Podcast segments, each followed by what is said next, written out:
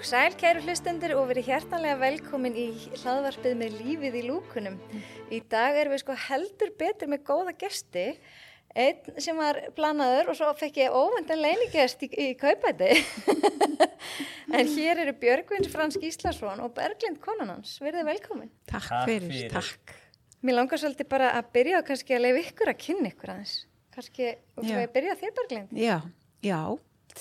Ég heiti Berglind og, hérna, og ég veit ekki alveg hvað, viltu vita meira? Ég heiti Berglind og ég starfa sem fjölskyldufræðingur, mm -hmm. reks meðferðarstofu sem heitir Varðan meðferðarstofa á samt þremur öðrum. Og svo er ég náttúrulega gift Björgvinni og, og við hefum tvö börn og eða börn sem eru eiginlega stór sko, mjög stór sko og hérna, já, og ég hef mikinn áhuga um þetta á heilsu, mm -hmm. það finnst þetta er nú þáttur um heilsu, þá er ég alveg syndi ég svolítið í þeim fræðum og búin að gera lengi, sko.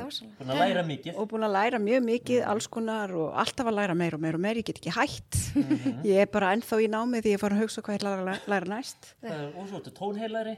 Já, einmitt svo er ég líka með tónheilun og Og kapp líka, ég er svona, eh, svona aðstofakonni kapp, mm. þú veistu hvað, hvað það er? Já, Já. ég hef prófað það. Þannig að hérna... Ég held að samt að mig er nú alveg útskýra fyrir hlustundum að því ég er rauninni veit ekki ennþá, alveg. Nei, þú ert ekki búin að koma, sko. Nei, ég ætti að, já, ég hef komið í tónilu, ég hef ekki komið í kappið. Hann er nýfarn að koma í tónilun. Já, já, já. já. og hérna, hann er eftir að koma í kappið til okkar. Segð okkur frá kappið. Já, og hérna, ég er samt ekki kappmiðlari bara þannig að það sé á hreinu.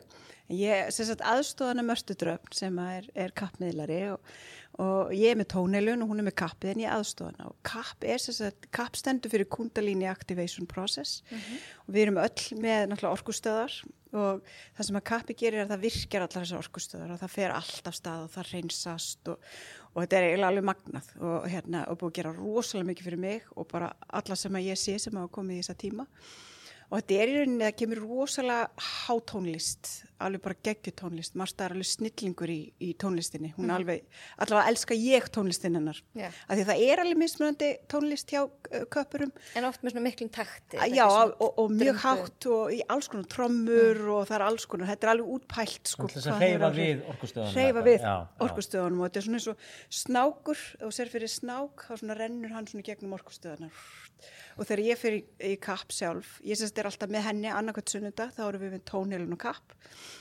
Þá byrjum við á tónilun og svo kemur kappið og svo er ég reyndar alltaf að gera meir og meir og er að blanda tónilun inn í þetta allt saman og endum á tónilun og við erum alltaf eitthvað með að gera þetta geggjara og geggjara svo fyrir ég alltaf á dínuna annarkvæmt sunnudag mm. þá fyrir ég í kapp En þetta er að hafa rosa áræð að ég sé að fólk er bara eins og að það frelsast, það er bara eins og að það komi út og bara einhverju svakalum áfallatímum eftir þetta, það bara kemur bara út reynsað sko. Já. Það er bilað sjálf þetta, ég er bara sko, ég trúi þess ekki sjálfur að því ég er náttúrulega, sjálfur er náttúrulega verið í alls konar sálfræði meðferðum og svona en þú veist, en aldrei séð sko einhverja svona aðferði, tóna, tónlist, veist, allt þetta, hvað þetta hreyfi mikið greinlega við tögakerfin. En tónheilun, hvernig er það skilgjönd? Hvernig er það skilgjönd? Já, hvað, Já, hvað er tónheilun?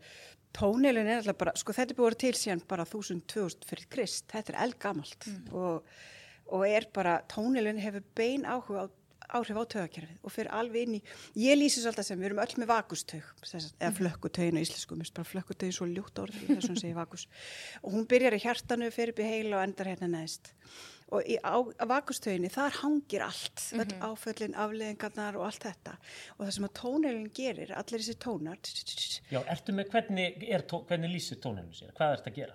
Ég sést með gong og fullt af skálum og alls konar annað sem er með reynstikk og ég veit ekki eins og hvað það heitir allt saman þetta er bara alls konar hljóð sem ég er alltaf að bæta við og, og breyta mm -hmm. og það sem þetta gerir, þetta fer alveg inn í tögakerfið og hristir afleðingarnar í burtu bara þannig ég segi alltaf og ég, nú vinn ég mikið með áföll sjálf sko auðvitað er þetta ekki rannsaka sem áfallavinna alls ekki, mm -hmm.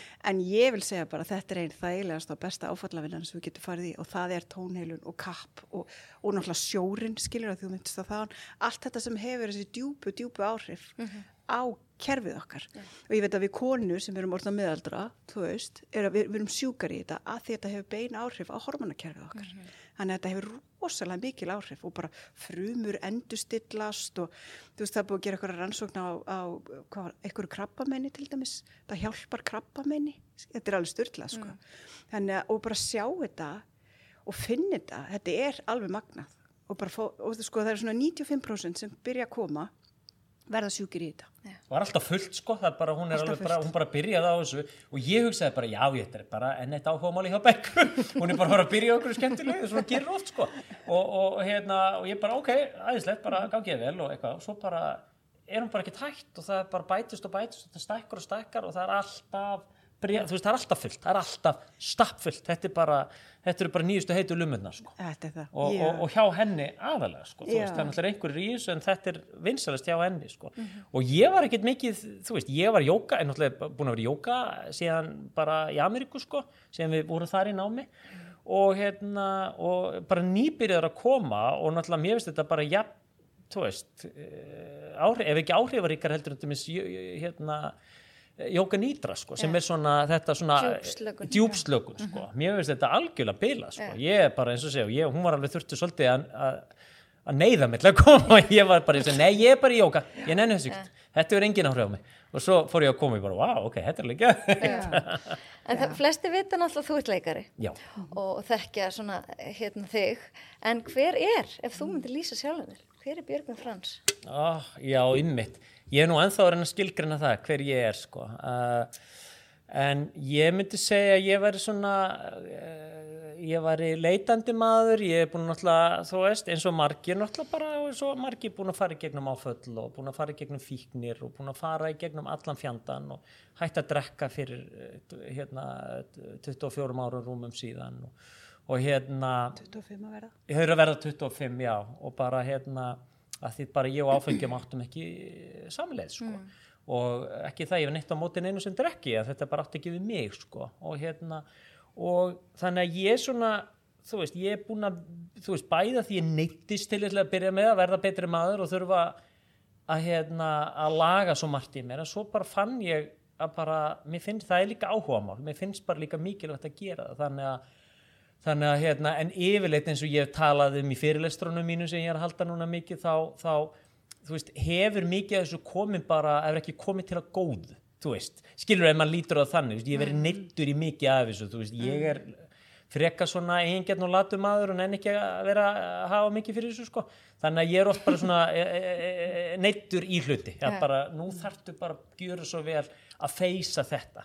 Og, og ég er bara þakkláttur fyrir að hafa þegar að ég feysa eitthvað erfiða hluti ja, hérna, að ég er tilbúin að takast á það ég, ég, og, og hérna ég er mjög þakkláttur fyrir það því ég veit að það er ekki allir svo hefni sem bara meika það ekki eða geta það ekki en ég enn sem kom með er þá all, hef ég, og ég nota margar aðfyrir til þess að díla við mín uh, áföll eða mín erfiðleika og eins og sé, ég, ég held að eins og, með, eins og Becca sér, ég held að þetta hjálpi allt, það er alveg sama, það er ekkert eitt sem að ég nota. Þú veist, og ég getur ekki að tala um þeim marga klukkutíma hvað, hvað ég er að gera en það er mjög margt sko. En, en ég svona í fyrirlistunum mínum til dæmis þá bara tala ég um svona eitt afmarkað sem að var að í mínu lífi og ég náða að laga og er að ná að halda með ákunnum aðferðum. Já, mér fannst nefnilega ástæðan fyrir því ég bauðir hingað Mhm. var einmitt að þú varst með hennar fyrirlestur hérna fyrir okkur starfsfólki í MH í akkurat og kið undan sjálfur mér. Ekki undan sjálfum minn Já. ákvæmlega, það var Og- mjög gaman að koma til. og þetta var, mér fannst þetta svo áhugavert að þetta er akkurat það sem ég hef mikið búin að vera að spá í. En er þetta eitthvað sem þú vilt deila í þú veist, ég veit þetta er langur fyrirlestur. Algjörlega, ég get alveg er summer þetta upp Já, sko, já, er já, já.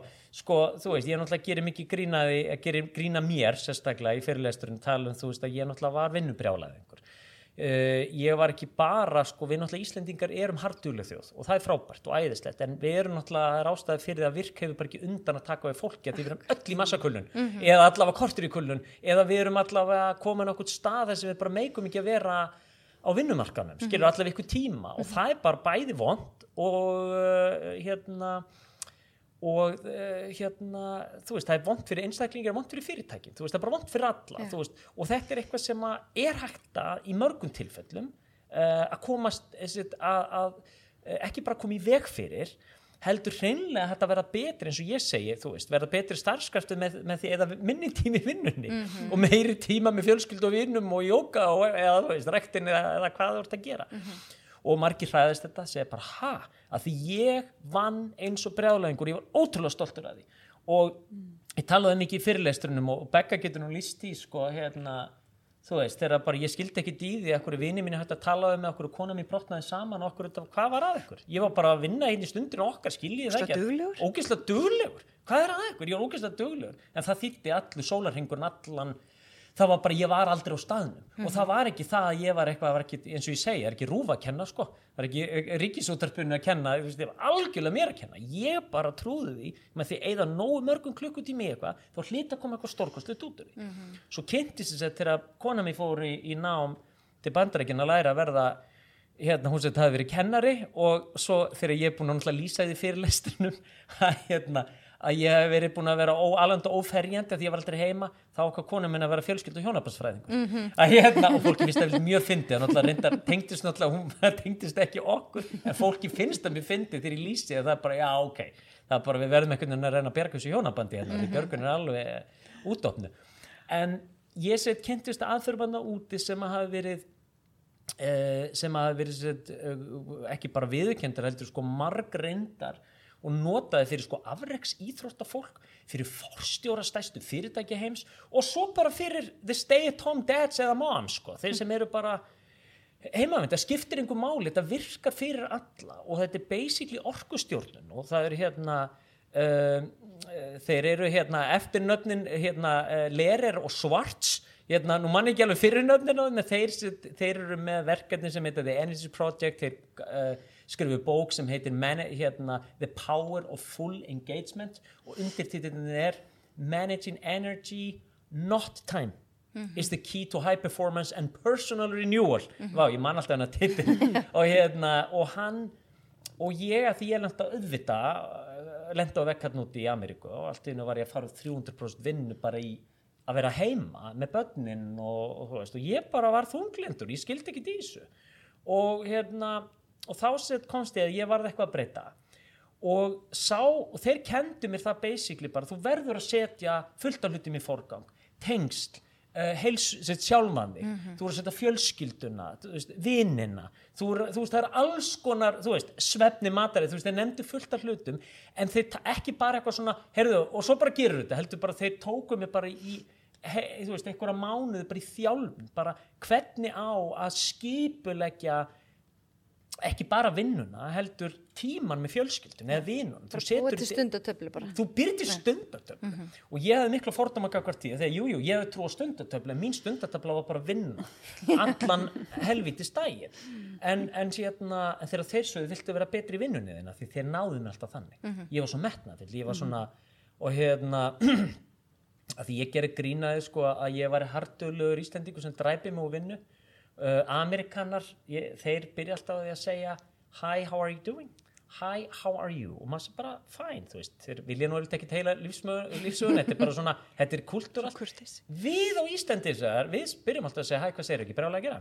Ekki brálega að gera? Hvað segir þú? Ekki brálega að gera? Brálega að gera, já, brálega, high five, brálega að gera. Mm -hmm. Og við erum svo ógeðslega stolt af þessu og það er, þetta er náttúrulega okkar styrkleiki sem þjóð, held ég þetta er líka okkar stærsti veikling það er bara, við, og, það, og við, við þurfum ekki annað en bara að ringja eitt símtæli virk og spyrja bara hvað eru mörg hjá okkur núna er, veist, mm. ég veit ekki alltaf ekki mann á byggðlist yeah. en það hérna og þau eru hérna að vinna stórkostlegt starf en það, eins og þau segja mér þau hefa sagt, ég hef unni fyrir virk sko, og þau hérna þau sögðu bara það er ekki allir í kulnun en það eru allir komnir á sko eitthvað barm mm -hmm. þú veist það eru eitthvað barm eitthvað tögaveiklunum mm -hmm. eða hvað það er sko nú ætlum ekki að tala, segi, þau eru sérfræðingarnir en það er ástæði fyrir það er brjálað að gera yeah. og ég sagt, fór sjálfur að bara nota þessar aðferðir og þá eins og ég segi alltaf þá fór ég alltaf að vera tilnæmdi til velun og vinna velun þá fór alltaf, ég sem að sett svo marga klukkutíma í eitthvað, eitthvað vinnu þegar ég fór bara loksins að sinna þú veist, að ná í orgu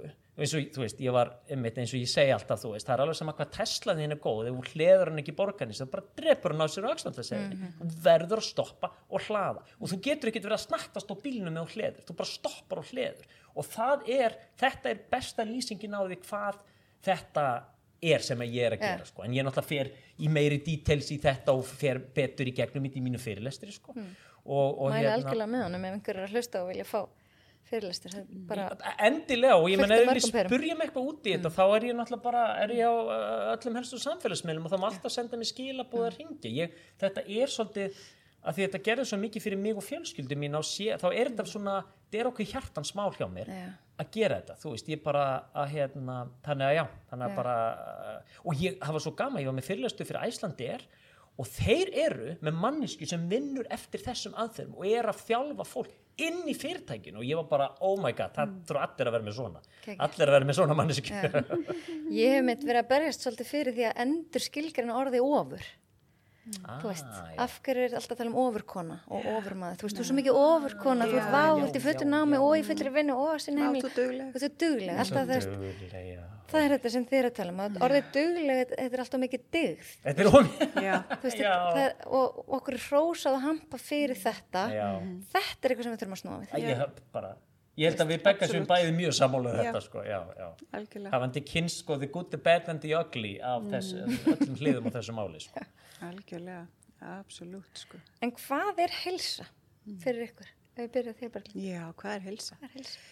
Vá, ég myndi segja, vá, þetta bara að fyrsta sem gefur við huga mér, er þetta klassíska að viðhalda eh, reyfingu, svefn, mataræði, rútínu, þú veist, halda orkunni í lægi og bara vera í jafnvægi, þú veist, og hvernig ætla maður að gera það? Hvað er það sem kallar á mann að gera það? Þú veist, við náttúrulega bæði náttúrulega elskum jóka til dæmis, alveg bara og hérna fyrir, Björgun er nú duglega ég, ég fyrir einu sinni viku og hérna, og sjórin, Jésús, vá, bara ég elska sjóin og ég er alveg búin að... Og heitt og kalt, sko. Heitt og kalt, ég er búin að já, ná að draga Björgun í heitt og kalt, fórum með mitt í dag í sundi, heitt og ekki, og, já. og hérna, og náttúrulega mataræði okkar, hvað það skiptir miklu máli, þú veist, að borða holt og borða alls konar, og, en samt ekki öfga líka, þú veist, að því við erum svolítið gjörna öfgana og hérna, ég er alls ekki hrifin að þeim, en ég hef alveg farið í alls konar öfga, veist, þannig að hérna, loksins er ég held ég búin að finna eitthvað svona jafnvægi í þessu og ég er að vera 47 og það tókst, þú veist, En þú ert náttúrulega, en þú hefur, fyrir ekki að ég gríp inn í, en þú Já. náttúrulega vinnur svo mikið með hjón og einstaklinga að vinna með áföll. Myndur ekki segja að það væri ógeðslega mikið og partur af helsu líka? að bara vinna með sig. Já, að vinna að með sig. sjálfsögðu allan daginn og það líka að því allt þetta sem þeir eru búin að koma inn á þú veist, og og þú veist það bara 1940 eitthvað var ennþá torpær á Íslandi. Og við þurftum að Já. harka á okkur. Við þurftum bara til þess Já, að lifa já, já, af. já. þú veist þannig að það er ekkit skrítið að það smitist bara yfir í næstu kynnslóð, næstu kynnslóð og þú veist og, og þess vegna erum við öll í börnáti og bara allt, þú veist, við erum eitthvað kynnslóð að tráma bara á bakinu og erum að reyna að vinna úr því. Þannig já, við þurfum öll að vinna í okkur, bara öll. Og bara, og eins og ég tala rosa mikið um ég er búin að tala um, ég er búin að starfa í tíu ár sem þerapisti, ég er búin að tala um tíu ár við verðum að vinna með líkamann, líkamann líka þú veist, það er ekki nóg bara að tala og nota hugan af því þetta situr allt í líkamannum okkar. líkamann, já, já. þetta er fast Þetta tengist þar. allt saman. þetta Já, já, tengist allt saman. Þannig að ég er svo hamingu sem að vera farin að geta bóðið upp á svona líkamlega vinnu sem að ég elska. Já, því ég er líka bara þannig, ég er svo mikið flæði sko, að ég get ekki, ég get aldrei Vá, ég vann með ham í bandaríkjunum í eitt ár og ég held ég myndi deyja, sko. bara deyja. Atferlismeðferð, sem er frábær og virkar og svo vel og svona. Virkar á alls konar, sko. Alls konar. Ég hef alveg uh, unni líka með hana, hún er alveg frábær uh, hérna fyrir sitt, fyrir sinn hatt. Sko. Já, já, já, absolutt. En, en það er bara, ég get Já. ekki unnið svona. Of einhæft fyrir Já, þig. eitthvað eftir einhverjum uh, kerfum og eitthvað svona, það er bara, ég bara get það ekki, ég er svo mikið flæði, sko. Þannig að, hérna, að þetta hendar mér svo vel, að geta bóðið upp á þetta, inn í svona flæði og tónlist og, og ég er búin að hugsa, vá, við erum alltaf að segja þessu óhefbundna aðferðir.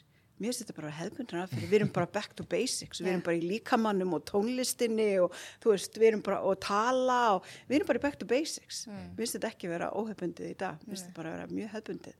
Þannig að, hérna, mjög mikilvægt allt saman. En fyrir þig, hvað, hvað er helsa fyrir þér? Uh, ég, veistu, það er eiginlega bara get ég algjörlega tekið undir þetta því að ég var rosalega, því ég var svo fordómafullur sko, og fordómar eru bara basically að vita ekki, segja að maður viti eitthvað en vita ekkit um það og ég verið mjög duglega við það. Og, og hérna og, og hérna því líka þrjóskupúki sko en ég er svona, Ha? já, ég mynd nákvæmlega. Akkurat, Það að sem er svo gaman að fá hjón já, já, já, akkurat, akkurat. Og við reynum nú bara svolítið að hlæja og gera grín sko, því það er eina til þess ofta að díla við hlutina, jújú, jú, það þarf að tala um það og gráta og það þarf virkilega að fara alveg í botnina og svo, en svo er líka bara ofbóðslega gott. Og það er nú hluta fræðuna sem ég er að tala um í fyrirlistunum, það er bara hvað húmor uh, þú veist, það er bara húmor sprengir svo mikið, hann sprengir svo mikið egoið sko. Um, hann, hann, hann bara, hann léttir öll, fólk segja, það þýr ekki bara hlæði sig gegn það, jú, veistu, það er actually virkar, það er bara vísindilega sanna að hlátur í alfunni, bara hjálpar og virkar. Um, en mér finnst það rosalega mikilvægt, þú veist, að huga að því að þegar fólk er andlegt eitthvað þá bara har, það er eitthvað trú? Eitthvað sem neina, það er bara, þú veist, að, að huga hérna að þessu, þú veist, og ég er að fyrir hlustendur þá er ég að að, hérna að grípa, að er ég að halda fyrir hérna brjóskassan á mér, þú veist, það sem að svona mér finnst oft tilfinningan að vera, þú veist að, að mér finnst rosa mikilvægt að gera þetta allt, jú, ég menna það var að sinna töluð um í þessu þessum fræðum, þú verður að sinna líkamannum og hérna og svo náttúrulega bara með því að hafa unni svona með mig í alls konar tólsporunum og, og svo náttúrulega hérna og bara unni með áföllin og allt svona svolítið ymmi þegar áföllin kom upp í líkamannum þú veist, það er mjög skrítið, þá, þá er ekkit um annað að velja en að díla við það svo það bara breytist ekki í ykkur krabba minn eða hvað, eða þú veist, það er að verða þú veist, að hérna uh, hvað sem það nú er, en það er allavega þú veist, ég menna ég var eins og með áfall bara fast í hálsinum bara í marga mánuði, neða alveg bara árið eitthvað sem kom og fór og það var ekki fyrir bara í vann og gömla áfall úr æsku sem ég vissi ekki, ég vissi ekki þegar þetta díla við þetta, ég hef ekki hugmyndu við bara vorum, við giskuðum bara á þess að jú, alltaf, ég og sálfræðingurum, við þurfum ekki að díla við þetta. Og það bara, ó, það bara, þetta er eins og eitthvað eldfjall, það bara sprakkast og eftir það bara þá lagaðist, þetta. Er svo bila þannig að heilsa finnst mér, hún er rosa margsnóki, við heyrum einmitt mjög mikið þetta, þetta þú veist, jú, mataræði, það er ósað mikilvægt og svefnin er ógæslega mikilvægt, við erum búin að sjá þetta alltaf. Og, og reyfingin er mikilvægt, það viti þetta svo margir, en svo er núna finnst mér eins og fólk sé að verða, og ég sé það bara hvað er mikið að gera hjá Begg og fólk, er það ekki svolítið öllum aldir að fólk er að koma og bara segja, nú verð ég að fara að vinna með áföllu eða ég verð að fara á lif, eða ég verð að skilur um mig, þú veist, er þetta er bara mér svo gott, það, hérna þeir sem eru alkoholistar sem sagt, þeir hérna uh, þeir eru nú með góða bók sem þeir nota oft sko og í henni stendur sko við neytum okkur ekki um aðstóð sérfræðinga skilur við mig, jújú við, við, við vinnum með alls konar uh, andlugu hliðina og líkanlegu en það er bara, en þarna eru sérfræðinga nýtið ykkur á, þú veist, það er bara ef ég, þú veist, ef ég er með tampinu þá bara, þú veist, þá fer ég ekki bara leggst á bæn skilur ég fer og ringi talækni, skilur Akkurat. þú veist, en, en, hérna, en það getur oft verið krafturinn sem ég þarf. Ef þú trúir á eitthvað aðra eða eitthvað stærri en þig, þú veist, þá þarf ég átt kraftin skilur, þannig að ég held að þetta sé bara þetta, og eins, eins ömulegt að það hljómar fyrir einhverja þá bara, þá er þetta allt saman. En, en, en kannski það sem ég lærði í uh, úti, það er bara finna leið til þess að setja þetta í forgang ekki bara eitthvað skipulegja því að þú veist, ég og mamma við gerum grínaði bæði náttúrulega snar og verku brjáluðu og sk hérna, skripakallar sko, eða skripafólk að við hérna, veist, mamma hún er með cirka bát sjö töskur með alls konar dóti í og þrem, fjórum dagbókum, hún er búin að týna þeim öllum, skilur mig, og það er alltaf eitthvað skipulagt hjá henni, skilur mig, og, og ég, var, var- ég var líka svona nema ég var með eina en það var hún bara út og við vorum bæðið svona útkrotuð allir maður fyrir sund og svo vinna. Ég segi bara, heyrðu ekki tími í sund, það er bara að vinna. Og svo vorum við eitthvað, nú verðum við að fætta til salfræðis heyrðu, ég verð að fresta honum, ég verð að vinna. Þannig að við krotuðum alltaf út það sem að var raunverulega skipt, það sem að er að fara að halda okkur gangandi, sem er bilað sko. Já. að því allir þurfa veist, og ég tala um þetta líka eh, hérna í fyrirleistrinu, það er bara að hérna, ég er náttúrulega að kenni núvindundaræfingu sem er ákveðin hugleysla fólk fær stundu smá svona ofnæmi þegar að heyri, að hugleysla trú eða andlegt trú, bara nei, þú veist, það var nú ætlum ég að tala varlega þegar ég man ekki alveg nákvæmlega hvað frendi minn hérna, hann er náttúrulega geða huguna fræðingur og tók dokt, hérna, með doktorsprófið því en hann hérna hlut af hans hlut, í hlut af hans reitgerð, hérna doktorsreitgerð þá var hann að tala um sér núvitund hvort það var sko gegn þunglindi eða fíkn. Ég man ekki alveg hvað það var, hann, var allavega, hann notaði núvitund. Og það er bara vísindalega sanna, ef þú notar það þá, þá þú veist, og þetta var til dæmis eins og þegar ég segi nota, vísa oft í fyrirlesturinn að sálfræðingur sem hefði fekk síndar frá manninu sem var í panikast, hann segi ég er að fara að deyja. Og ég segi, nei, nei, þú ert ekki að fara að deyja. Víst, víst ég er að deyja og hann var bara hann var bara allt, tilfinningar nú voru svo miklar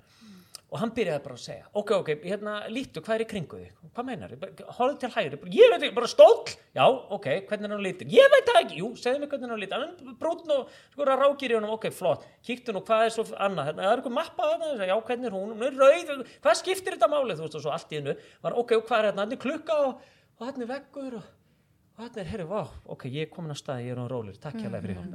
á á en því að taka okkur á staðin, það er bara núvitund. Og gránda. að gránda.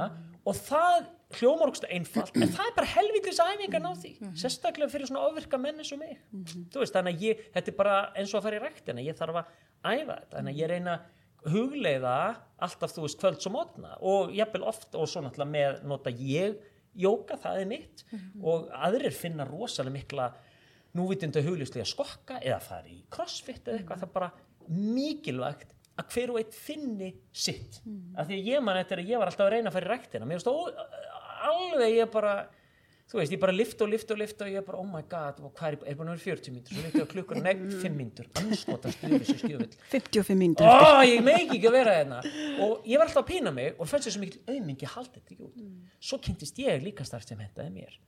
Og, og jóka er náttúrulega rosa mikill styrkur og það er líka slökun og það er bara Og andlegt, rosa það, það er rosa spiritual líka en líka líkanlegt og líka huglegt. Þannig að það er alveg sem ákváð trúir að trúir ekki bara fyrir mér virka þetta. Orðið jóka þýðir tenging hug og líkama. Já, nákvæmlega. Og sko, nú þetta vissi Og við erum body, mind, spirit og það er það sem við þurfum að næra til þess að vera í lagi. Já.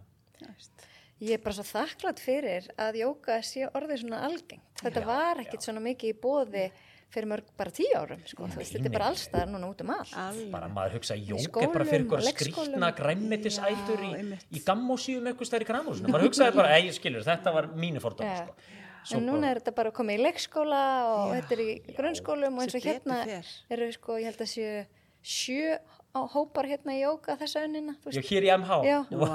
Þú veist, þetta er svo vinsalt. Það er, já. Ó, ég, er, ég vildi að ég hef verið í jóka þegar ég var í MH ég hafði náð kannski innri ró fyrr. Þetta er alltaf svo að vera áttur ekkert að nógu. nei, nei, ég var ekki tilbúin í það sko. Nákvæmlega. Akkurat. Er Sko. gaman. En að þið verðum búin að tala um það sem þú varst að tala um óhefbundnar eða hefbundi, þú veist, það, þetta snýst svolítið allt bara svolítið um að róa taugakerfið. Er það ekki? Allt Jú. sem við erum að gera. Algjörlega. Þú Veist, af því að það er það sem er á yfirsnúningi. Já. Þú Veist, það er þess vegna sem fólk er að krassa því að það tappar aldrei af. Já. Það er í lagi að hafa mikið að gera ef þú kannt að hlaða Teslinu á já, það er Já. bara nöðsulegt það er bara þannig. Og það er bara, og það er eins og með vakustöðina ég er mjög upptikinn af vakustöðinu sko. Því ég, ég var með svona námskeið sem ég er tilfinninga líka með nú tónilum þannig ég kafaði svolítið vel onni í þetta. Þetta er einhvern veginn, ef hún er í ójafvægi vakustöðin sem er hjá okkur mörgum þá sendir hún skilabóð til líffærina að þessu ójafvægi og þaðan spretta til dæmis 8-10 sjálfsofnæmis sjúktómar 8-10, ég geti tala upp þrjá núna fyrir framann þig. En þeir eru þeir sem trúið sér 8-10 ekki geta að googla þetta. Já, En vakustögin fyrir þá sem ekkert vita, þú veist, hvað, já, bara fyrsta lagi, hvað liggur hún eða hvernig Já. og hvað, hvernig veit maður að hún sé ekki í jafnvægi? ef þú ert í ójafnvægi þá er Mm. vakustöðin í ójafnvægi. Og hún er, þetta er stærsta tögin okkar. Og hún í alvörinu byrjar í hjartanu og hún er bara risastór, ef þú googla bara mynd af henni þá er þetta bara nærunni gegnum allt kerfið okkar, Mhm. þannig að hún er mjög stór. Þannig, og, og ef hún er bara í ójafnvægi þá er svona, passar þetta svo saman eins og allt þetta, öll þessu orkuvinna. Að því orkustöðarnar eru sjö og Mhm. þær hangar alltaf á sama stað sko. Mm. nákvæmlega sama stað þannig þetta er eiginlega svona sko læknavísindin og, og óhefbundna púslast saman þarna þannig mér er svo gott að tala um bæði að því við þurfum bæði að halda við þurfum virkilega á læknavísindunum að halda en við þurfum líka rosalega mikið öllu þessu óhefbundna að halda til þess að halda þessu í lægi og ef við förum að hugsa um, þú veist, ef að, ef að vakus er í svona miklu ójafægi hvað gerum við? Þá förum við að vinna meira borða meira, drekka meira nota eitthvað meira, við förum að Deyfa okkur. deyfa okkur, Já, fyrir- okkur, já, og já, okkur það er- veist, sprettur svolítið þaðan og þess vegna þurfum við þessa innri vinnu samtalsmeðferðina, tólspóra samtök, þú veist allar þessa óhefnuna fyrir við þurfum þetta allt saman þess að vera í jafnvægi Nei, menna það er sko að því að fólk á svo, þú veist, fólk sem að heyrir einmitt, þú veist, ég er alveg einn af þeim sem heyrir orkustöðu bara, að ég er ekki bara eitthvað að kjæfta það, skilur mig. Mm. En það er, ég man eftir þegar ég einmitt, þegar ég fann að ég var í miklu ójöfabægi og hérna, og fór að googlaði mitt þetta með þessa vakustaug, sko. Og það voru bara æfingar, mjög einfaldar æfingar sem ég var kent að gera og ég bókstala fann hvernig ég róaðist alveg eins og þegar ég gerir núvitnunduna þegar ég dremi á staðin, þetta bara virkar. Og ég var þannig, ég fór að mig til húðlæknis að því ég var allur ykkur svona exem, ég bara hvað er þetta? Og hún, þetta hétt ykkur finnu þýsku nafni. Og hún sagði, já þetta er sjálfsvonum sjúkdómur kemur mikið undan álægi, er álæðabjörg og ég bara já, kannski eitt eða tvö álög. Og, ég, hérna, og, og það er mjög fyndi eftir að ég fór að sko taka það e og svona eða fór að taka það ennþá lengra að því sko að róa mig að því ég segja álæg er ekkit óvinnur það er bara þú veist ekki ef þú tundur stanslust álæg þá dreipar það þig mm -hmm. en ef þú, ef þú nærð að nýta, þú veist, fara alveg inn í þar ála og þú bara setur alla þína orku í að klára eitthvað verkefni æðislegt, myndu bara lífsnöðs þetta, taka pásurnar, taka þið burtu mm. sinnaðir og allt þetta sem ég tala um í fyrirlistunum en ég til dæmis teki eftir því að ég var á sko þremur mismunandi sterakrem út af þessum álags húðsjúkdómi sko. Vakusjójafæ Vakusjójafæ, já, öruglega að hérna að þá bara hef ég ekki þurft að nota henni krem til dæmis sem er magna, þú veist, ég notaði alveg og gerði þetta og sem að það er að nota læknavísindin. Mm. en svo fór ég bara nú ætlum ég bara virkilega virkilega að nota tækifæri og náttúrulega æðislegt. Þess vegna náttúrulega þegar fólk fyrir sumafrí það kemur svo færst tilbaka það bara, vá, það bara það bara kemur svo tilbúið mm. ef þú hugsaðu ykkur ef þú getur gert þetta á hverjum einasta deg, oft í viku tekið þitt sumarfrí og það er kannski það sem að og það sem ég meina með er að þegar þú tekur því burstu mm. sinnir þér að hverju sem þú þarfst að gera einmitt heilsunniðinni þá færðu, þú veist ef yfirmennir er svolítið hrættur um bara hvað Björgun, því er ekki að vera eitthvað að bjóða upp að endur og svo pásir þetta sko, það er að vinna, ég segi já, viltu fá, viltu fá betri starfskraft, mm. þá bara læturu þann starfskraft lætur hann taka pásunar og þú pínir hann út úr hátíðinu segir að þið er ekkert að vera að klára áskíslun eða eitthvað skilur hérna í hátíðinu ferði í hátíðinu mm. eða setjumpartinu eða eitthvað þú ferð og reyfir þig eða, tek, veist, eða nærðir í tengsl eða hvað svo þarf að gera til að hlaða þín batteri mm -hmm. því að sko og þess vegna er ég náttúrulega með þessa fyrirlestra því mér veist eins og einhver sagði því þið bara ekki fara að taka æsla gott frí og koma aftur í eitrað vinnustæðamenningu mm. það er mjög mikilvægt mm. að vinnustæðurinn sé, sé meðvitaður um og það er svo gaman að nú er ég komin á vinnustæði og mér finnst geggjað að sjá hvað þetta er, hvað er mikil meðvitund um þetta nú mm. að því að þú veist, ég var ekkit viss ég held kannski ég myndi mæta smá fordóm bara Stýr, einu sinni mætti það sem bara svona að það þýr ekki að vera að taka okkur að pása en, en ég held að öðruleiti sé fólk að vera mjög meðvita Já, um. Þú sáður samt örglingur úr fræjum og, og fólk fóra að hugsa. Vonandi, skilur við mig, en það er bara enn og aftur, ef að einhver þú veist, e, e, hérna ef að einhver er góð, þú veist ef einhver er rétti maður til þess að tala um að aðeins að læra að taka þér rólega þá er það, það er að brjála einhverju björgvið skilur við mig, sem að er bara þekktu fyrir að vera á útdóttnu og bara orkan í ámarki mm. það eins við það, best er það hefur ekkert breyst, ég er orku mikið mm. mér finnst það gaman, en ég líka krassaður og softin á milli ég krassa miklu minna eða eiginlega bara aldrei núna, af því að ég, að því ég bara fylgdi sérfræðáleti, ég bara mm. auðmygti mig og sagði bara ok, hvað á ég að gera mm. og ég held að sé að því að við erum öll eitthvað leitandi, þú veist, það er mikið verið að tala fyrir veganism og þú ert að fara í crossfit og þú ert að fara í jóku og eitthvað. Finn það sem hendar þér. Prófa þetta allt, mm. Er ekkert eitt sem virka fyrir alla, ekkert frekar en eitthvað geðli virka fyrir alla eða þú veist það bara er, við erum svo mismunandi sko.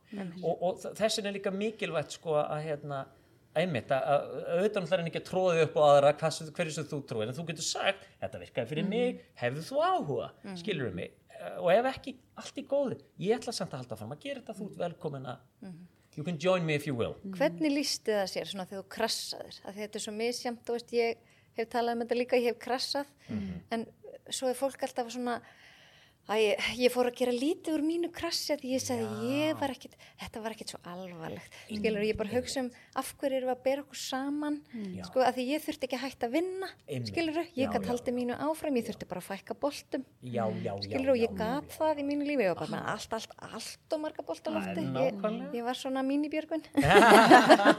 nákvæmlega, nákvæmlega. En, en, en, en svo þegar þú krassaðir, hvað gerðist þá? Sko það, ég er nú búin að gera nokkur en svona ég maður eitthvað stóra krass sem að gera það verkum að ég snýri blaðinu við hvað var það hvernig ég nálgast vinnun á fjölskyldun og vini. Það var út í Ameríku þegar ég bara var aðna, þú veist, með konu minn og börnunum og besta vini og, og þú veist, og konu hans og börnunum hans og þú veist, og, og bara við vorum að hlifið hlið og það var bara sól og, og sundlaug og þú veist, ég manna og þú veist, þetta var bara, bara mynd, þú veist, ég þarf bara ekki annað en að sína ykkur þrjá fyrir myndir að sjá hvað þetta var gegja og ég skildi ekki því að hverju mér leiði alltaf ver og ver og ver og ver mm. og ég bara, akkur, hvað er í gangi? Ég, þetta var að vera fullkomið og þá náttúrulega var mér bent á að ég náttúrulega væri að fara 300% vinnu sem ég bjóð til sjálfur mm. í bara í, í sko bara svona heilbritt eðlegt heimilislíf og bara svona það sem svona flestir er að gera og eins og ég ger oft grínaður ekki eins og ég verð að fá hærri laun fyrir dugnaðin sko neyninni og bara er fem and glory sko eða skilur, og ég set það hérna að gæsa lappa þannig að ég hérna þannig að þetta var skrítið, þetta var ekki svona krassa sem ég bara dætt út af vinnumarkaðanum í tvö ár og það á ekki að vera viðmið sko. eins og segja, gera lítið úr krassinu please, ef, ef, ef þið eru að taka það sem að jújú, hvað er að kalla þetta, minnikröss eða, eða þú veist, þetta þú veist, að sko að lendi kulnun er mjög mjög alvarlegt mál. Ég, ég það há, sko, Já. þú ert bara út af vinnumarkaðanum að- sko, og nú bara correct me if I'm wrong ég held að þú sért getur verið út af vinnumarkaðanum í ár tvö, sko, já. þú veist. Og það er bara ekki gott fyrir neitt Nei, og þess vegna er svo mikilvægt að hlusta á þessi litlu kröss og gera það strax eitthvað í málum Ja, það- líka menn er- er bara það eru rauðljós blikkandi í mælaborðin að segja þér eitthvað Nákvæmlega. og hlusta þegar fólk er að segja í kringu bara vilt ekki aðeins slaka og nei, það ætla ég ekki að gera. Ég er ekki auðmingi, þú veist, ég tek ekki frí. Ég, já, ég ætla að fara að taka frí. Á gangið vel, ég ætla að vinna, skilur mig Já, þú veist, ég, og, og, og ég, þetta var ég sko, og, og að ég lít út fyrir að vera, þú veist, opinn hress og kátt, þú veist, ég bara þú veist, og ég vil ekki segja not, ég er náttúrulega bara hérna eh, þú veist, ég er stjórnsamur og frekur og þrjóskur og, og, og, og ofsalega erfiður þegar ég er að gera þetta á minn hátt. Þú veist, ég er bara mjög erfiður einstaklingur. Og, og þú veist, þess vegna, þú veist en, en auðvitað er í mér eitthvað svona grunnskrípil sem er vill hafa gaman og, og skilur mig en ég þurft að vinna rosa mikið í þessu. Við erum ekki, að því að stjórn sem að frekja þú veist, jújú, jú, að vera sko þú getur verið rosa góð, þú getur það er til, sko, eins og mamma kennir sko. Hún er með hérna svona styrkleikakort. Þrjóskan getur verið rosa mikill styrkleiki þú veist, það að vera sko frekur getur líka verið styrkleiki og bara snýrði rétt þú veist, við náttúrulega, þetta er allt svona neikvæða ár sko. Ég náttúrulega var með rosa mikið oft neikvæði hliðan uppi en, en þessi sko, þessi sko þrjóska og skilur gat oft bara komir í gegnum erfi verkefni, eða ég bara sagði nei, ég vil, þú veist, þetta get- gefur manni rödd, svo getur maður líka bara verið óalandi óferjandi, spurðu bara konum skilur við mér og ég er hérna, og, og ég er hérna þú veist, ég, það er kannski það sem að ég hef virkilega, ég bara hlustaði. Þú veist, ég bara, ok, já, þetta er rétt. Af því þetta er, að- og umöðlega náttúrulega, þú veist, auðvitað þarf þetta að koma manni koll. Þegar maður loksins gerir eitthvað en, og ég hef verið spurður á svo fyrirlestur þann maður alltaf að lenda á vegg Björgvin, til þess að gera eitthvað. Seg, því miður er það mín reynsla því miður, og, og ég er ekki að segja þessi algjörn ég vona að séu einhverju þarna úti sem að, þur, sem að sem að þurfað ekki, sem hlusta á viðverðuna bjöllutna fyrr eins og þú varst að benda svo réttilega. Að, eins og segi, þetta var hérna úti var ekki mitt eitthvað bara krassa sem ég bara lág í rúminu, skilur mig heldur bara, ég, ég bara fann að bara var ekki eitthvað í læg og, og, og Begga fann það mjög vel og við bara, hvað er gangi? Ég fór til læknis og ég bara fór eða þú veist, lækna og bara og það var þá sem þetta, allt þetta hérna, þetta, þú veist, að, að ég kynntist þessum kúrs hérna, sem átt að breyta lífmunu, ég fór að stunda jóka og ég fór bara eða tíma með þessu fólki hérna sem Já. ég bý með og bý í kringum, sko. Og maður á að segja verja tíma. Já, ekki eigða Nei, tíma. þú sagði ég eigða, þetta var rétt. Ég meinti verja tíma, já, vá og ég sagði þetta hans að hugsa, fór að verja tíma rétt, þú veist, mjög, mjög mikilvægt. Af því að það er, þeir, þeir, það er alltaf á hverju ári sem að eru gerðar uh, hamingjuransóknir ég held að sé heil, uh, alþjóða heilbríðstofnun og þeir eru alltaf bara hvað gerir okkur hamingjusum og það er alltaf bara í efsta, ég held að sé í efsta sætinu eða allavega efstu sætunum er bara tengsl. Já. og þú veist og það ég er heil þáttur um hamingu í hlaðavarpinu Ég er nákvæmlega og, og, hérna, og, og ég ger oft grínaði hérna, mannst eftir þegar við vorum einu sinni að fá hérna, uh, vinnafólk okkar í mat við byggum á Burknavöllum og við vorum búin að skipulegja matabóð sem við gerðum eiginlega allt og sjaldan sko. en þegar við gerðum þá var eitthvað svo gaman en, en ég var bara eitthvað, nei ég get ekki ég er bara, ég hef ekki tími í þetta mm. ég bara þarf að vinna og konum mér bara grátband bara please, please, please, getum við einu sinni bara einu sinni haldið okkur við matabóð og ég var bara, "Åh." svo leiti ég á klukkana ok, þetta Já, þetta verður stutt matabóð sko, ég hef enga tíma, ég þarf að vinna og ég þarf bara stundin okkar og eitthvað, allt skilur sem skiptir þú veist, ekki gera lítið úr vinnunum minni, hún er frábær en ég menna, þú veist, hún er bara ekki svona mikilvæg.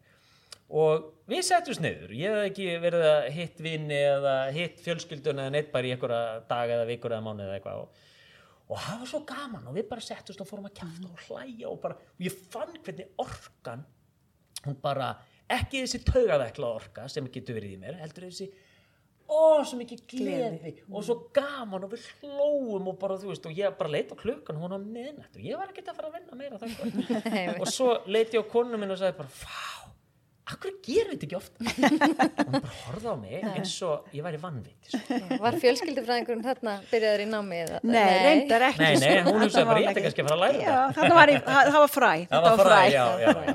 En getur þú sagt okkur eitthvað frá, þú veist, því var það, varst að læra það út í bandaríkjum? Já. Já. Ég fór að læra það út í bandaríkjum. Og hefur þið nýttir það mikið? Mjög mikið, já. Og þetta er eiginlega mjög fyndið, sko.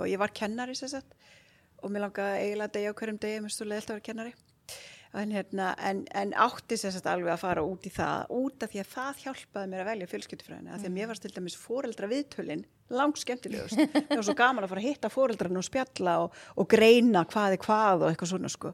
Þannig að það var svona ein af ástöðan fyrir því, að því okkur langaði að flytta í bandaríkina og þetta er mjög fyndið, okkur langar að flytja í bandaríkjana og ég bara Björgvin, þú er að fara að læra eitthvað í bandaríkjanum hann bara eitthvað, á ég að læra eitthvað. Ég er mjög glæður í minni vinnu sko, þú ert mjög óhamingisum í þinni vinnu, þú ert að finna eitthvað. Ég bara, oh, þarf ég að finna eitthvað? Já, já, ok, og fór þá bara að því ég var ekki viss, fór þá að spurja vinni mína, þá var Facebook eitthvað nýkomið skilur, hvað á ég að verða þegar ég er stór?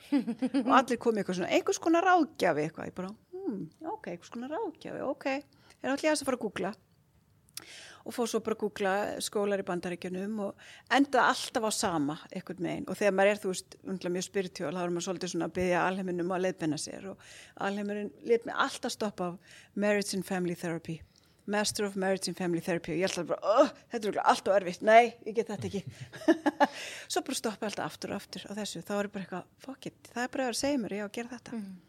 Og þá bara gerði ég þetta og bara fór þangað þú veist, og bara, ég bara elska vinnunum mína og ég elska, og þetta er ekki um það að vera með heilu fjölskyldunar alltaf hjá sér, veist, þetta er alls ekki. Ég starfa mikið með pörum og mikið með einstaklingum, bara hérna, og jú, auðvitað koma einstakar sinnum fjölskyldur, en ég til dæmis beina alltaf börnum á barnasálfræðinga, þú veist, ég fæ mikla fyrirspurnum, getur þú tekið barnið mitt? Ég bara, nei, þú veist, fjölskyldufræðingar eru ekki með mentun í börn, þau þurfa bara barnasálfræðinga, þú veist, ég hef alveg tekið einstaka unglinga, en ég er eiginlega hætti núna, og hérna, mér finnst þeir eru bara líka verið hjá sálfræðingum þannig að já, þannig að þetta er mikla pælingar Já, og nýst í eigin fjölskyldu? nýst í eigin fjölskyldu og hjónabandi Já, og heldur betur, já. stelpurnur okkar og Já, mjög góð að setja mörg og bara skýra svona Já, gerir já. maður ekki og svona gerir maður og Já. þetta er mér finnst mér líka fyndið, mikið. þú veist, Begga er svona svo, þið kannast þið þegar maður er hérna læknir hjúkunarfræðingur en leiða einhver heyri það þá bara, ertu læknir? Heyrðu, ég er hérna með sál og byrja bara að tala um þú veist, það er bara, ég var, ég var svona skemmt af hjúkunarfræðin nema og það eru bara hættar og það eru oft, það eru, þetta eru þeir líka sjálfsögur, kallar í hjúkurun að hérna, en þetta voru mikið hérna ungar konur og þessu bara, við erum bara hættar að fara út á djammi og segja þessum hjúkunarfræðingar því að við erum kannski konur á date eða fannir að eitthvað fannir að reyna við eitthvað svona leiðu við segjum það bara, guð, heyrðu, guð, ég er búin að vera með svo mikið niðurgang og eitthvað, svo bara allt í hennu hérna þá bara allt í hennu allt fara út úr gluggan og bara fara að tala um þetta. Begga er mjög svipu, það veit, það er ekki allir sem veit hún er fjölskyldu og hjálparsfræðingur. En hún dregur að sér, bara fólk sest niður og hún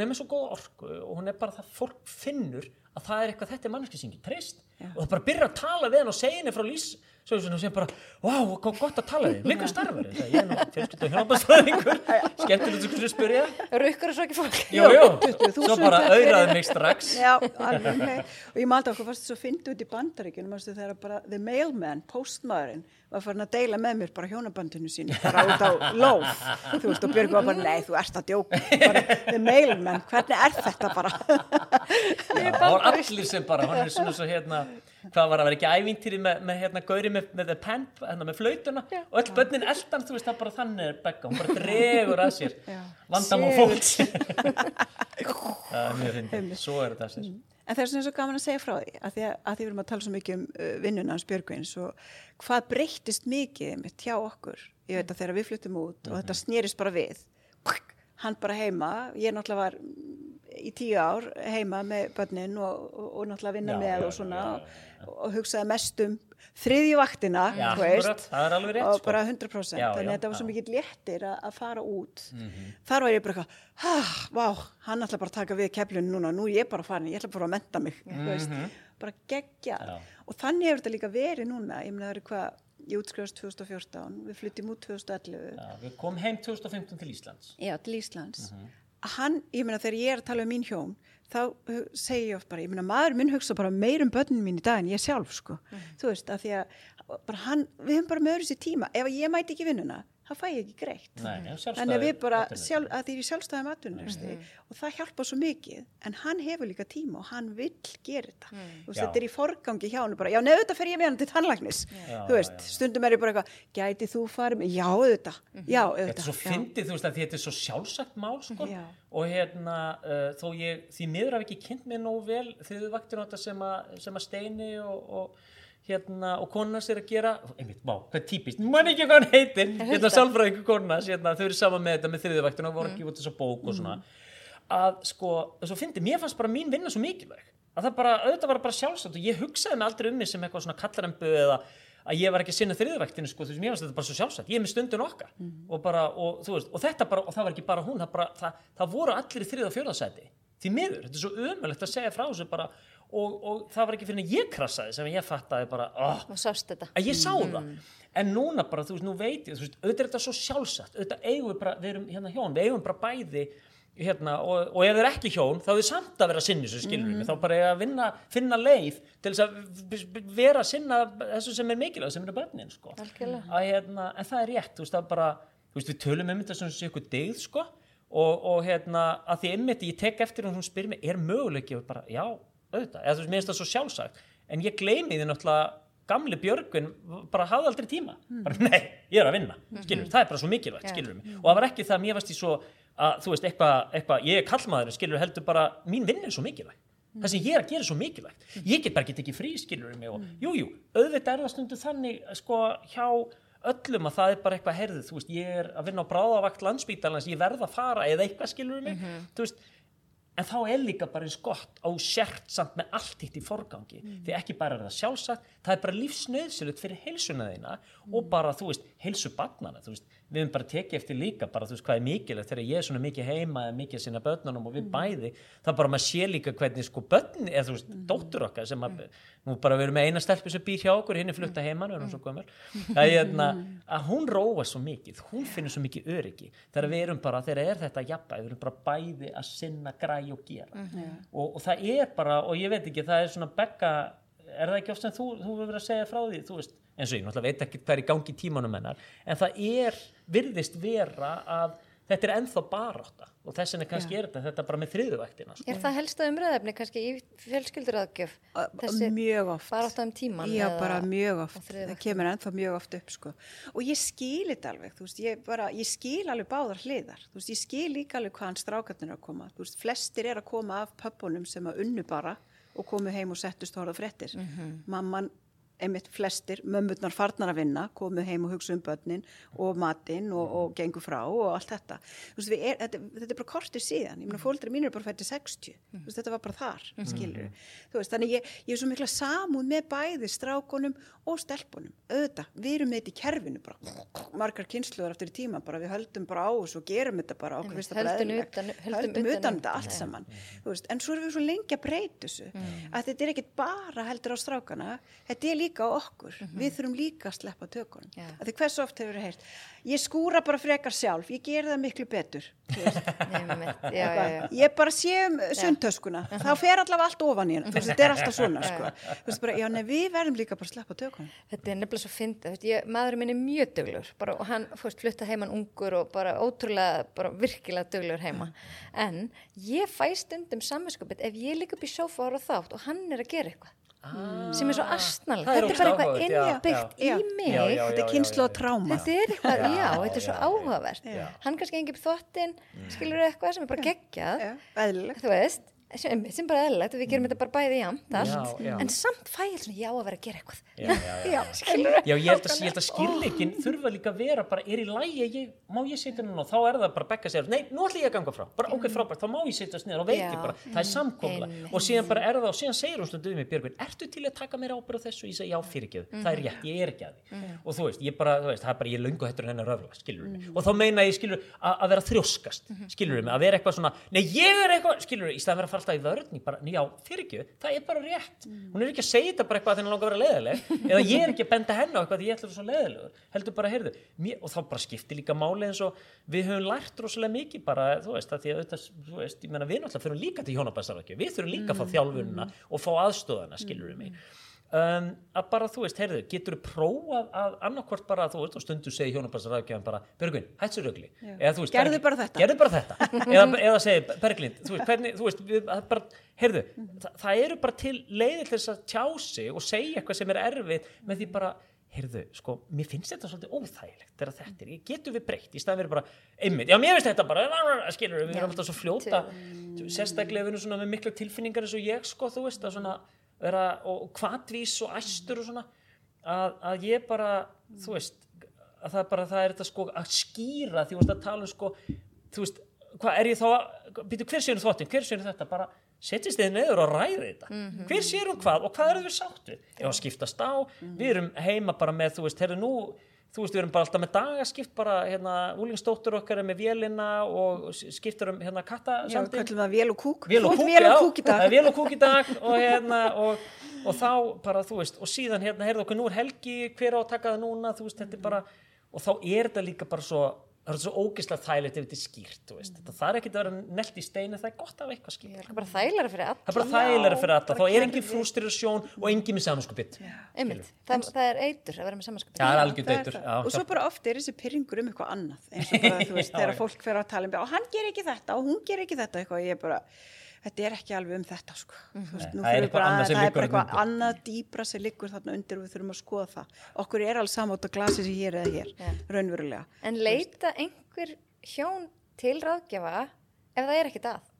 Er einhver að vinna fyrirbyggjandi? Er það ekki yfirleitt við förum bara þegar? það er samt ein og ein hjón jú, það er, ég fæ alveg ein og ein hjón sem koma bara í alvörna því þeim langar. Er bara svona langar bara að viðhalda sér og, og bara halda áfram að vera í góðu hjónabandi. Þau eru miklu færri. Þetta er alltaf miklu meira sprengjur og alltaf á bara með skilnaðar sko, yfirleitt. En já, en það er ein og ein. Það er alltaf, mér finnst það alveg ógæslega gaman sko, að fá, það er svo gaman að hjálpa þeim að viðhalda, svo fallegt sko, bara það er bara aðeins að fínbúsa bara svona aðeins tjú. Já, sem er svo mikilvægt sko.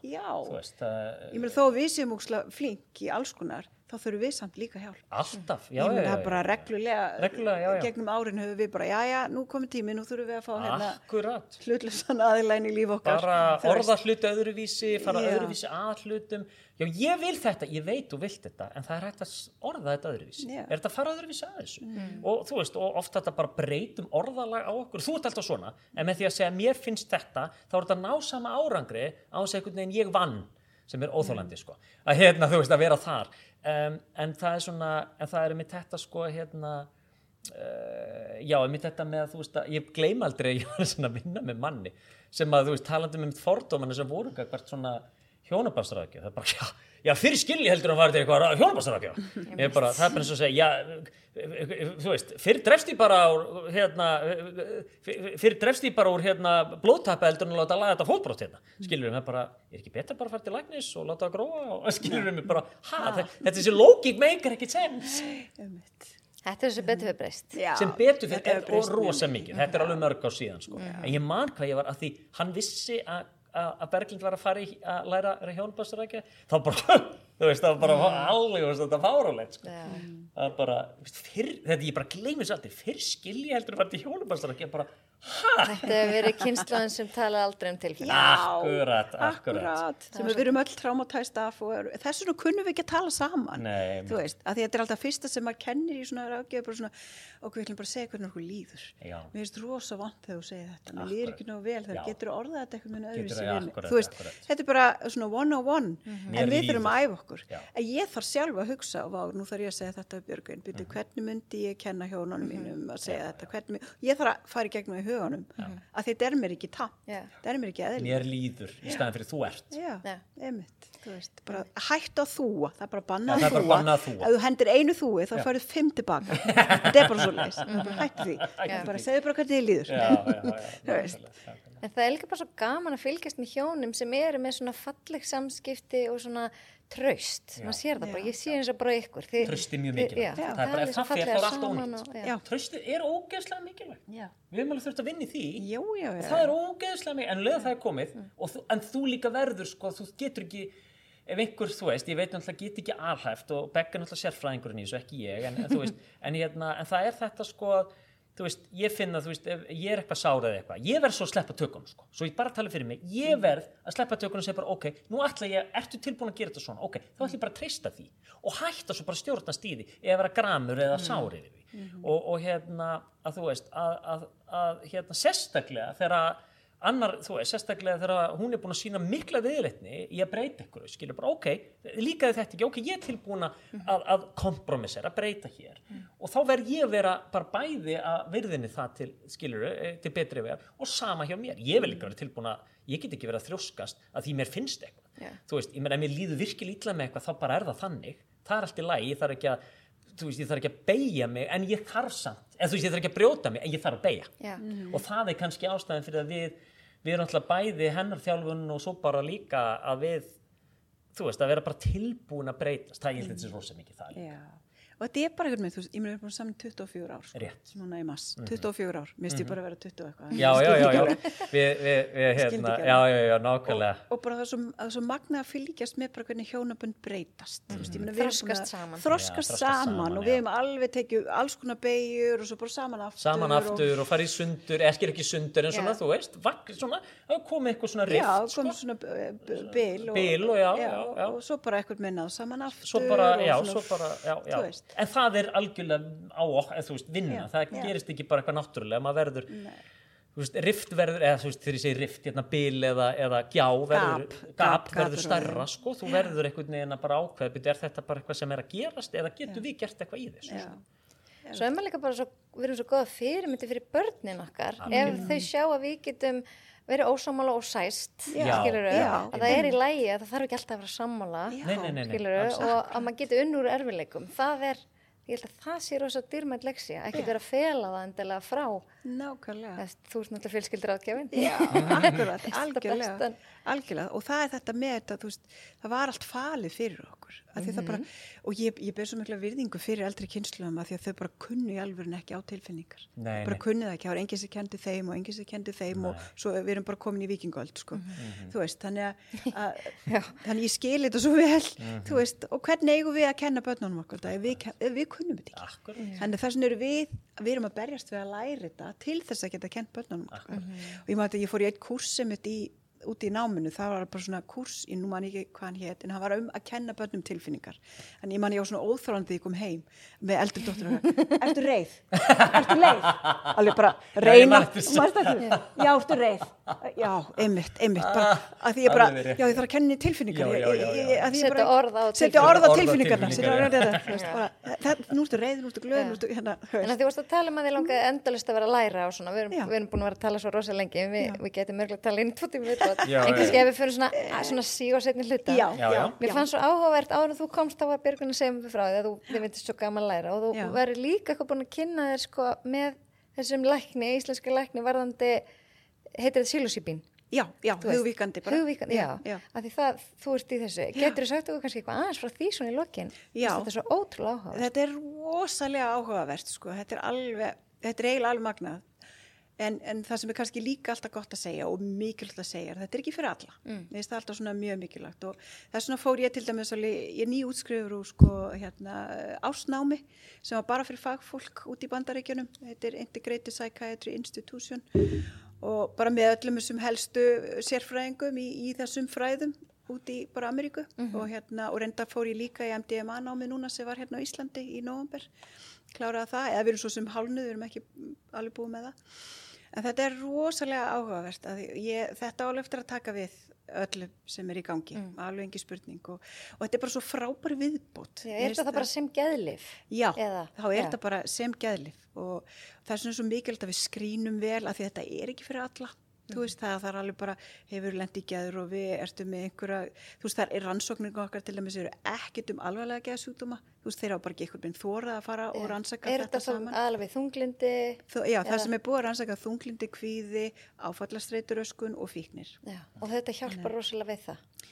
Ég sé stórkoslegan árangur hjá mjög mörgum, já, mjög mörgum. Getur einhvern veginn sagt hvað er að gerast í heilanum? Í, í heilanum, ég sko þetta alltaf bara, í, sko eins og ég sé þetta, þá sprengir þetta upp áföllin.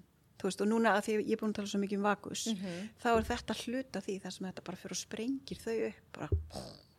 og þá losna þessi köglar einhvern veginn úr kerfinu og þá róast róast allt kerfið og kvíðin mingar og þunglindi mingar og þá þarfstu minna að deyfa þig, mm -hmm. þá færðu meiri orku, skiluru mm -hmm. þú veist, ég til dæmis, ég er svo orku mikil núna að ég bara, þú veist, ég þarf að stoppa mig af, sko mm -hmm þú veist ég, ég get alveg sagt, það er alveg bíla að fylgjast með henni sko. þetta er bara bíla ég er bara, eitthvað, sko. ég er bara uh, út um allt og, hérna, og meiri svo stoppaði mig bara sjálfa af um dag, ég sagði, nei, nú verð ég að taka þetta út ég verð að taka þetta út, ég verð alltaf að taka mig frí á mándum til þess að hugsa vel um mig skiluru, mm -hmm. af því að ég er bara svo orku mikil og þetta bara gerir svo, já, það gerir rosalega mikið Þannig að þú ert að taka þetta sjálf? Já, já, já, ég hef alveg farið í gegnum alls konar og, og að það fylgir þessu. Mm. Þú verður alltaf, ef þú ætlar að hjálpa öðrum í gegnum þetta, þá verður þú að hafa gengið í gegnum yeah. það sjálfur, mm -hmm. sko. Þannig að, hérna, en þetta er náttúrulega alltaf ólöglegt ennþá, yeah.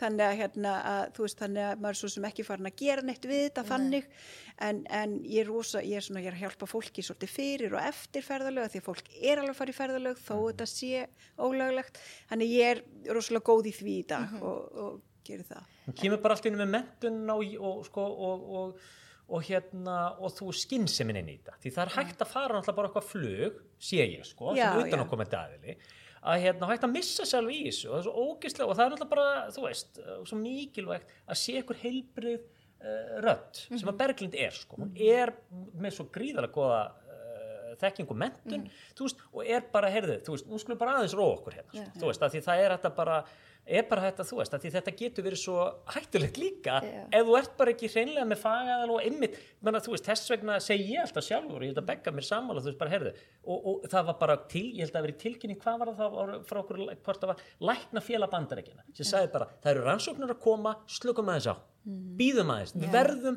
að hafa einmitt eins og segir, yeah. ef, ef er ekki búa ef út með alveglegan þú veist, ef út með að, að, þú veist, alvegleg geðkvöð og ákveður bara að hoppa út í eitthvað við mm. veitum ekki hvað gerist, nei, nei. skilur bytt eftir ansóknunum, bytt yeah. og svo og einmitt og eftir þetta að vera löglegt og allt þetta, skilur þannig að ég veit að hún kvetur alltaf til þess sem ég veist alveg gegn En er byrjað að framleiða þetta sem lif? Eh, nei, einhver geðleikni sem ég heyrði fyrir kannski tveimur árum í viðtali sem var að tala um að það væri framtíð Já, það er náttúrulega framtíðin sko. Já, já, já, það er framtíðin. Já, þið þarf að gæðast í þessu sko. Já, það er það. Þetta er náttúrulega orðið löglegt í ykkurum nokkrum fylgjum í bandaríkjunum, sko sílusípin allavega. Mm. MDMA verður núna bara, rannsóknarkluna eru búnar til dæmis. Er það og, Anna? Ég þekki það ekki. Já, MDMA, það er hérna, það er gamla góða ecstasy sem maður nota hérna. já, sætt. Já, nema MDMA er, er reynd MDMA. Ecstasy, það er, var blandað við bara eiturlif, skilur við. Bara eiturlif, en þetta er alveg reynd. Þannig að, hérna, þannig að, að það er bara, núna í júni kemur til dæmis bara hvenar það verður samþygt í bandaríkjunum veist, og, og það er ekki hægt að neyta því að það bara árangurinn í rannsóknunum er sko 70-80% það sem að fólk bara lásnar við áfallastöðuturöskununa sína, kvíðin, þunglindi, fíknirnar veist, svo... Þannig að það veldur ekki fíkn? Nei, Nei. Veist, er, þessi efni valda ekki fíkn MDMA er eitthvað svona mm, mm. en sílusýpin alls ekki mm. En, en að því að þau valda ekki fíkn en þá getur samt sko það sem er hættulegt við þetta er kannski manneskja sem áfíkni vanda hún getur samt orðið sko háði að fara í ferðarlegin já, bara, já, fara bara og gleima sér og, og missa sér bara eitthvað með henni í þessu þó að efni sér ekki að valda fíknin mm -hmm. en þá mhm. getur þetta valdið mm -hmm. þú veist og það, það, það sé þarf að passa upp á sko hjá fólki og þessuna þarf fólk að vera með faga eða þess að getur hjálpa sér í gegnum þetta mm -hmm. því ég vel fengið til mín fólk á kvolvi í samtalsmeðferð að því það var bara ekki hugsun og vel um það fyrir og eftir ferðalag. Svo bara er það bara blessgangið vel að því að þetta er ekki um efni sjálft og þetta er ekki um ferðalagi sjálft. Þetta er um það bara hvað gerist inn í ferðalaginu og hvernig ætlar að vinna með það. Mm, Þetta er þá ferðalagi huganum Væntalega eftir sem við erum að tala um. Já, veist, já, já, þetta kallast ferðalög sko, því þú ferð bara alveg inn í ferðalag og ferjabili inn í áföllinni og það losna um, það losna um alls konar gamla tilfinningar og köklar og, og þú jafnvel sérð áföll sem þú vissir ekki um og, og, og ferð inn í alls konar samúð og sorg og bara alls konar sem getur gerst. En það er bara ekki nóg. Svo þarf þetta að gera eitthvað við það mm -hmm. eftir ferðalagi. Það er bara hvað ætlar að gera við þetta. Það er það sem að mér skipta mestumáli í þessu öll saman og það er ekki bara nóg margi fagæla sem kunna það til Nei, nei, dæmis þannig að fólk sýt ekki bara uppi með eitthvað áfætt sem það var uppgöta og, og verður kannski bara verra. já, Þetta er bara, þú veist, ég meina við erum ekkert að fara út í og ná okkur í, þú veist, geðlif og, og rítalín og svo bara, já, já, hvernig ætla þetta virki? Skilur mig, þú veist, það bara, heyrðu, hvað ætla ég að taka mikið? Svo bara við erum alltaf, við fyrum í, við fyrum í langt, þú veist, við sem erum á ADHD-lifunum eða geðlifunum, við þurfum að fara alveg bara, þú veist, til sálfræðins og svo geðlæknis og það þarf að greina og þú veist, og ég meina, ég var heilt ár í ykkur ADHD-greiningu með allir fjölskyldunum, skilur mig, bara áður en ég fjekk bara ok, nú máttu prófa þetta leif, skilur við mig, þú veist, þannig að þú veist, þetta er bara, þetta er eins og með allt, það bara, þetta virka fyrir sum og aðra ekki og Já. þetta þarf að vera á hreinu, sko. Þetta er bara algjörlega og ég meina, og líka bara svo vitum við ekkert oft, er fólk, segir fólk alveg satt, skilur þú veist, hefur farið í gæðróf, nei, Já, einmitt, veist. nákvæmlega. hefur fengið flók, nei, nei, nei, nei, nei. en mamma nei, og kannski veistu það ekki, til dæmis sílusýping getur ítt undir flók til dæmis, þú veist, það er svona, það er svo margt svona sem við verðum að huga Bara, og já. fara rosalega varlega með, Einmitt. að ég ber mikla virðingu fyrir þessum, og þetta kallast medicine, þú veist, að þetta er bara virkilega góð medicine sem að heil okkur, en við verðum að bera virðingu fyrir þeim og gera þetta vel, það er það sem við skipta mestu máli í þessu já, já, já. og það er fullt af fagfólki sem að er að byrja menta okkur við vorum alveg 17 til dæmis í þessu MDMA námi hérna núna í nóvember alveg læknar og geðlæknar og fólk er svona að byrja að undirbúa sig fyrir þetta, Já. því þetta er bara á leiðinni, sko. þetta er bara, þetta er að koma sko þetta er að koma, sko. þetta er bara, þetta já, það er bara frábært, finnst mér sko, að það sé fag aðilar skilur að, að fara að stýra þessu. Já, einmitt nákvæmlega, ég meina bara eins og, þú veist, bara rétt að lókum, þú veist, ég meina þetta er svo, og það er svo gott líka að hugsa um þetta, þú veist, að fólk verður svo, já, þetta er ekki tættur, ég meina, þú veist, myndur, þú veist, ég meina, við erum með lækna sem eru búin að vera ykkur 10-15 ári sérfræðanámi, sem segir hversu mikið, þú veist, sem sprauta nákvæmlega rétt að lifin áður fyrir aðgerð, þú ert ekki að fara að leika með þetta heima, þú getur bara farið í öndur og stopp, skilur þú veist, ef við tökum þessi kemísku líf, ég meina bara sama hér, þú veist ekki hvað gerist, þannig að bara, þú veist, einmitt, bara virkilega pældu í því áður og verður með þetta alveg á hreinu og freka verður bara eins þólumur og býttu eða gerði eitthvað annað þangað til. Akkurat. En ef við reynum bara svona að sumra þetta pínu saman, Mhm. þá kannski bara, þú veist, ykkar bóðskapur er svolítið bara vinna meira, nei, við, Já, vinna eins og brjálæðingur. vinna minna, taka MDMA vinna minna og verja meiri tíma með nánum ættingum og fjölskyldu og vinnum og þessu gefa sér tíma, bara gefa sér tíma fyrir sig. Akkurat, veist, og- sig og, já, sig og með því og, og, og, þá inni því eru aðrir í kring, skilur við, er bara sig og aðra, Einmitt, þú og, og vinna með bara að kíkja til fjölskyldur að gefa áður en allt fyrir bál og brand Einmitt og, nákvæmlega, og svona. Er eitthvað svona lokum sem að ykkur langar að segja? Ef ég að gleyma einhverju. einmitt. Nei, bara einmitt, ég held að þetta sé rosa mikilvægt, bara setja þetta í forgang, þú veist, bara hafa þetta, þú veist, bara heyrðu, hvað skiptir, þú veist, við breytumst ekki nema við bara það, það að- nema við raunverulega vilju það. Og bara hvað skiptir með máli, þú veist, og það er svo mikilvægt bara, þú veist, og nú er ég búin að sjá það, þú veist, sem er náttúrulega bara, maður hugsa bara, hvað, hverju var ekki búin að sjá þetta fyrr, hvað skiptir máli að sinna fjölskyldinu, vinunum og annað, þú veist, að, að þú veist, að þetta er alltaf svo ymmið, degðin, við erum alltaf með svo, við erum með rángan fókus á degðum, hvað er degð í dag? Einmitt, allt þetta sem við búin að tala um, þú ert svo duglegur og þú ert svo ekki brjálega að gera og svona. Og við verðum bara að hætta þessu, við verðum bara að segja jú, ég get verið ógeðslega duglegur, ég ætla bara ekki að vera duglegur allan sólarhingin, mm. því þá er ekki duglegur, þá er ég óabyrgur, skilur, Vera líka duglegur að kvíla þig. ég verð að vera duglegur að kvíla mig og sinna mér að ná í orku, vá, hvað Já. þetta er gott, ég ætla að, ná, ég ætla að nota þetta, vera duglegur að sinna þér, að ná í, uh, já, að hvíla